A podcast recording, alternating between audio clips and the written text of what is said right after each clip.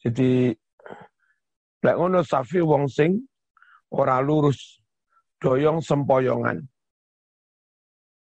Ola dawuh sopo zurrimmah penyair jahili namanya zurrimmah.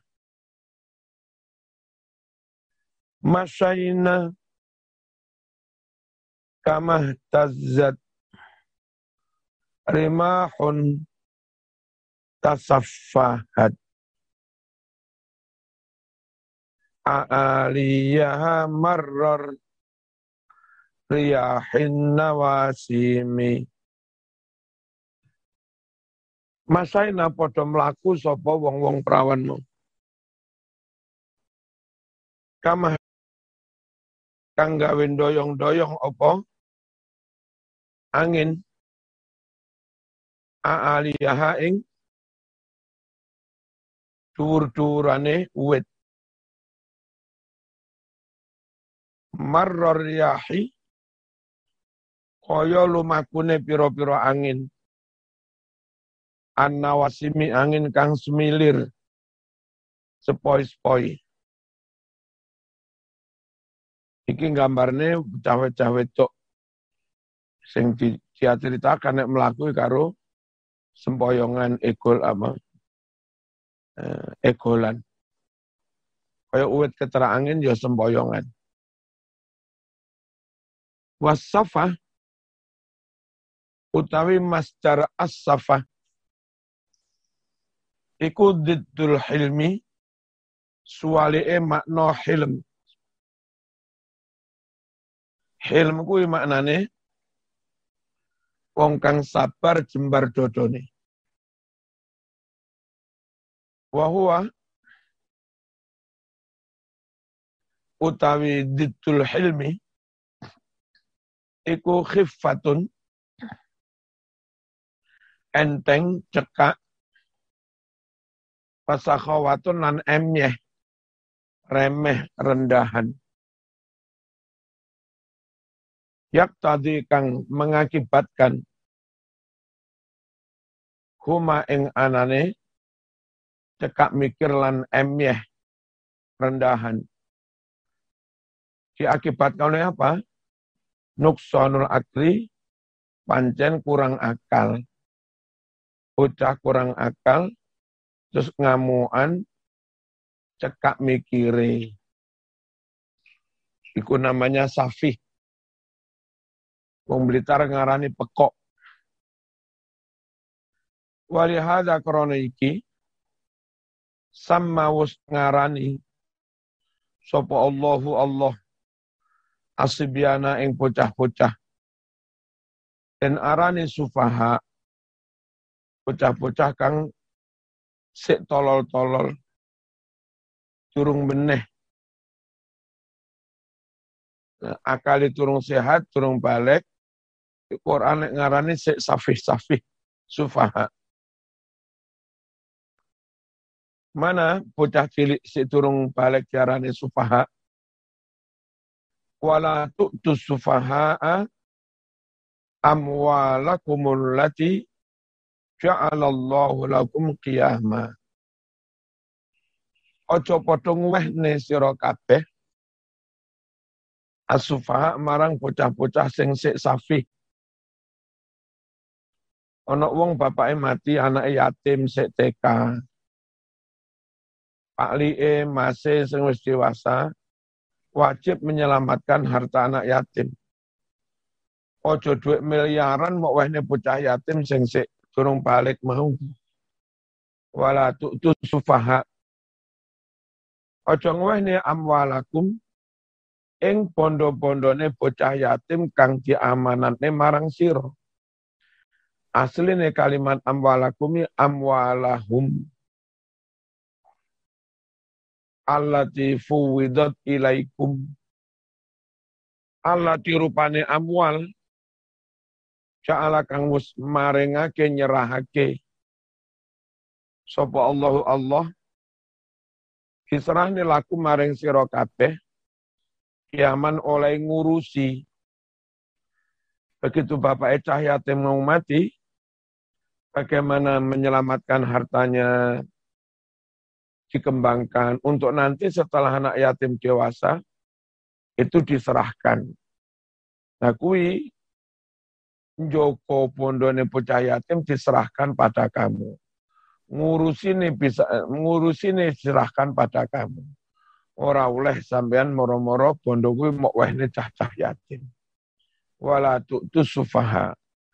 Nah, bocah yatim sing sing cekak mikire oleh Quran juga disebut dengan sebutan as-sufaha. Ma wallahum apa yang membuat umat Islam berpaling dari kiblat. Ketika kiblatnya dirubah dari Masjidil Aqsa ngadep Masjidil Haram, orang kafir ngeritik. Apa yang menyebabkan kiblat mereka berubah meninggalkan kiblat lama? Yakni negesi sopo Allah ma sorofahum. Apa yang gawe mengo berpaling opo mahum ing muslimin dari kiblat yang pertama Masjidil Aqsa. Walla anisyai maknanya mengo berpaling. Tawalla sama maknanya berpaling. Ai insorofa tegese berpaling. Bahwa utawi iki-iki mawallahum iku istifhamun koyok-koyok takon tapi ala jihadil istihza. Kelawan niat ngepekno, melecehkan, wa ta'ajub lan gumun. Eh, wong wong kafir begitu keblate dipindah ke Masjidil Haram, lek ngenyain apa ya? Kok keblate berubah? Apa? Mencela mencele. Aslinya pengen ngelok nih, pengen melecehkan hanya pakai gaya bahasa nanya. Zohiri pertanyaan ning maknane istihza. Ang qiblatihim allati kanu alaiha. Al qiblah utawi lafat kiblah iku minal muqabalah. Saking masdar muqabalah. Adep-adepan. Wahya utawi maknane muqabalah iku al muwajahatu adep-adepan. Wa asluha utawi asline lafat kiblah iku al halatu kahanan. Alati rupane kahanan. Yakunu kang ono. Iku alaiha netepi kahanan mau. Sop al muqabilu uang kang ngadep asli maknanya kiblat itu keadaan di mana seseorang yang lagi menghadap kiblat ada dalam keadaan itu opos pas sambil berbaring opos pas sambil lungguh kondisi ketika orang menghadap kiblat itulah dulu laf apa bahasa Arabnya gitu juga kiblat. Semua khusat mongko nuli dikhususkan opo istilah al-qiblah dikhususkan pilih jihati kelawan arah alati yastakbilu kang wajib ngadep ha ing arah mau sopo al insanu manungso fis salat ing dalam salat. Kiblat itu apa? arah yang mana orang yang sholat wajib madep ke arah itu. Nek orang madep dengan arah itu sholatnya ora sah. Wasaton. Ummatan wasaton. Menjadi umat yang wasat. Ayat dikasih utulan umat yang adil. Tidak memihak. Bersikap itu mending adil. Tidak memihak yang adil, nanti sewaktu-waktu ada kebuntuan hukum, yang adil itu loh akhirnya yang bisa merantasi. Dia tidak memihak ketika dia mengatakan sing bener iki. Orang tidak bisa mencacat ucapannya. Kenapa? Karena dia nggak memihak pada si A atau si B. Lain kalau orang itu memihak, taruhlah si Fulan, tetanggamu bermasalah dengan Fulan yang lain. Gara-gara podo NU nih, podo Islami, kamu memihak. Nah, kesaksian dari orang yang memihak tidak akan bisa diterima. Khawatir nggak objektif. Dan kalau semua orang memihak, maka bisa terjadi kebutuhan hukum. Hakim nggak bisa memutuskan perkara lantaran semua saksi memihak. Nggak ada yang adil berdiri di tengah. Nah, supaya nggak sampai terjadi kebutuhan hukum, maka dari awal Al-Quran memerintah kita agar kita bersikap tengah-tengah, adil. Wa kadzalika ja'alnakum ummatan wasaton. Ayo udulan. Nah saiki aliran akeh, partai akeh, kiai khususnya jangan memihak. Kalau ono permasalahan antar partai, ono permasalahan antar kader partai dalam satu partai. Mereka-mereka yang bermasalah bisa ditimbali Mbah Yai. Dan mereka ditimbali Mbah Yai manut. Dan mereka pun bisa menerima keputusan Mbah Yai. Ketika Mbah Yai tidak memihak.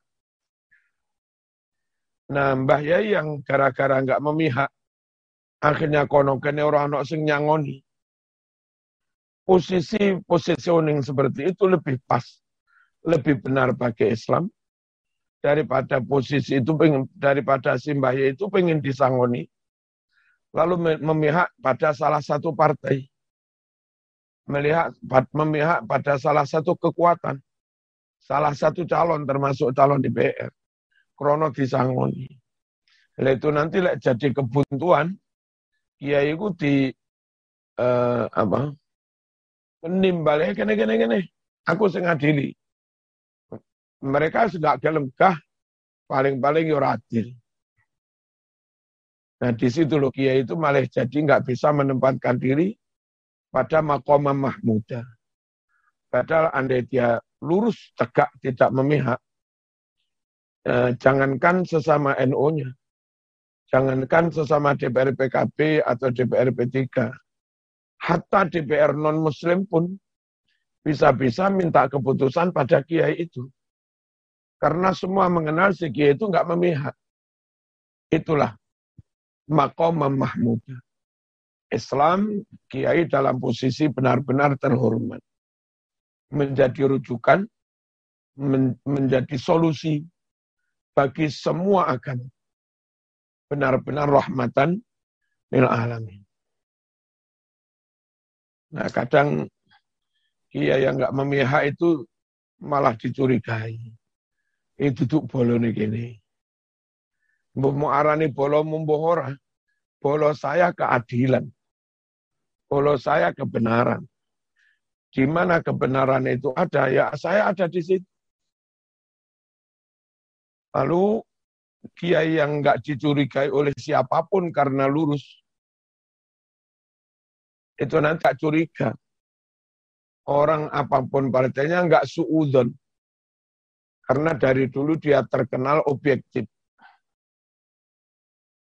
Nah saat semua dawuhnya Kiai itu, itu loh sebetulnya yang dikehendaki Islam, dikehendaki NU. Daripada dakwah dakwamu hanya diterima oleh satu kelompok, ditolak kelompok yang lain, lalu kelompok lain yang menolak kamu, akhirnya mencari pendakwah ulama dari golongan lain, dari Wahabi, dari Syiah, Ruki. Sekali lagi, kalau bisa para ulama wasaton, utul tidak memihak. Di Quran, i'tiluhu akrabuli taqwa. Bersikap adillah kamu tidak memihak, itu yang lebih dekat kepada takwa. Kalau zaman memihak, politiknya politik identitas. Enggak podo iki tolak, lek podo iki masih salah dibenarkan. Nah, itu nanti Islam menjadi eh, apa dianggap remeh. Islam enggak wibawa lagi. Kamu sekarang dengan politik identitas penuh kedoliman, bisa mimpin bla bla bla bla bla. Tapi kalau lima tahun berikutnya kelompokmu dikalahkan habis. Lain kalau kita adil, ulama yang adil til di tengah. Saat yang menang kelompok A, si ulama itu ya tetap didengar. Lima tahun berikutnya yang menang kelompok B, si ulama itu ya tetap didengar. Dan semua kekuatan politik tahu bahwa pengaruh kiai yang lurus ini uh, bisa mencapai 50% persen lebih dari suara rakyat. Calon siapa pun ya takut kalau nggak direstui si kiai ini. Nggak ada matinya, nggak ada kalahnya. Kiai ulama yang lurus itu. Bismillahirrahmanirrahim. Utulan, wong kang adil-adil, khiaron orang yang terbaik, terpilih, Wamin hulan iku setengah saking wasaton, maknanya orang-orang yang adil, kauluhu utawi dawe Gusti Allah Ta'ala, qala awsatuhum alam akul lakum laula tusabbihun. Kala mengucap awsatuhum wong sing paling tengah-tengah. Apa maksudnya? Ulama yang paling adil. Dawui. Alam akul lakum bukankah aku telah berkata kepadamu, laula tusabbihun mbok yo sira kabeh kuwi padha maca tasbih. Jadi yang menganjurkan supaya padha maca tasbih itu wong sing paling adil. Nah, dalam Quran wong sing paling adil dibahasakan dengan wong sing paling tengah-tengah. Qala ausatuhum. Dan sekali lagi, berbuat adil itu kepada siapa pun, termasuk kepada non-muslim. Saya jadi dosen, memberi nilai harus adil. Anak kader NU, kader PMII penuh, Raison jawab, ya kutura lulus. Santri nggak ujian Raison jawab, ya wajib ra lulus. Anak saya sendiri tak uji raison jawab, ya ora kena dilulus nih. Orang lain non muslim misalnya ikut perkuliahan saya, nyata bisa, sportif, ya lulus. Nah, ini kayak kayak merugikan Islam. Tapi sebetulnya sikap lurus adil ini lah yang mengangkat citra Islam si mahasiswa non-muslim yang tetap kau perlakukan dengan baik dan adil, dia akan berbicara ke mana-mana. Luar biasa Islam itu. Luar biasa Islam itu. Sportif, fair. Contohnya saya, saya agamanya beda. Ternyata Ki Marzuki nggak melihat agamanya. Kenceng, lurus, yang dilihat oleh Kiai Marzuki adalah bagaimana mahasiswa itu memang mampu mengerjakan soal-soal apa enggak dan akhlaknya. Itu akhirnya si mahasiswa yang non-muslim kan cerita tegak tentang kebaikan Islam. Eh, mengangkat harkat martabat citra Islam. Lalu tanpa kita berdakwah, dia sudah ke sana kemari cerita tentang kebaikan Islam itu lebih di, lebih menguntungkan Islam, lebih mendekati takwa daripada saya jadi dosen yang podo NU ini langsung nilainya satu KB. NU ini nggak lulus. Saat dia ngelamar pekerjaan dengan nilai itu, nilainya A, A, A, wapi A, A, A. Ternyata skillnya rendah banget. Nah pihak perusahaan menganalisa, ini kenapa ini? Orang ini nilainya baik, A, A, A, tapi ternyata low skill. Kemampuan skill profesionalisnya sangat sangat rendah. Citra Islam menjadi rendah. Islam menjadi dipandang negatif. Apa akibatnya? Orang enggan masuk Islam. Orang nggak tertarik masuk Islam. Belum lagi mahasiswa yang nilainya baik-baik karena kebutuhan bolo saya. Ternyata daftar di perusahaan, kinerjanya nggak baik. Mentalnya, moralnya nggak baik. Lalu skillnya juga rendah. Berikutnya, perusahaan itu kapok memblacklist kampus tersebut. Nah, koyok-koyok awal sing bolo tak lulus nilai, nilai nabi. Koyok-koyok itu nolong sesama teman. Padahal dampak dari itu, Islamnya jadi kurang dipercaya. Yang bersangkutan juga bikin kecewa perusahaan. Lalu perusahaan memblacklist kampus itu. Adik-adik kelasnya yang sejatinya, sejatinya pinter, daftar nggak diterima, kadung kampusnya di blacklist. Nah, sekali lagi kita harus profesional, lurus, adil jangan memihak. Makna khairu, makna ausatuhum, berkatalah orang yang paling tengah-tengah. Ay khairuhum, orang yang paling baik yang berkata-kata itu. Au adluhum atau orang yang adil. Um wasatun yardol anamu bihukmihim. Mereka adalah orang yang ada di tengah yang adil-adil. Semua umat manusia ridho menerima keputusan hukum mereka. Siapa yang paling adil, maka merekalah yang paling dipercaya untuk memberikan solusi atas problem umat. Nah yang dipercaya memberi solusi, akhirnya merekalah perancang masa depan. Mereka programmer masa depan untuk membangun peradaban baru. Ketika muncul peradaban baru top, ternyata desairnya, desainernya, perancangnya, si Fulan yang NU. Di situlah NU terangkat. Martabat NU terangkat. Dengan sikap adil. Mereka orang-orang yang tengah-tengah, adil, semua umat manusia bisa menerima keputusan hukum mereka. Idza nazalat ihtal layali bimu'zami. Idza birawangi bimu'zamihim bimu'zami. Sebagian mayoritas bengi. Artinya wis tengah. Seli dari semua kalimat ini adalah bahwa sebaik-baik perkara itu yang sedang-sedang. Enggak terlalu kaku, enggak terlalu lemes.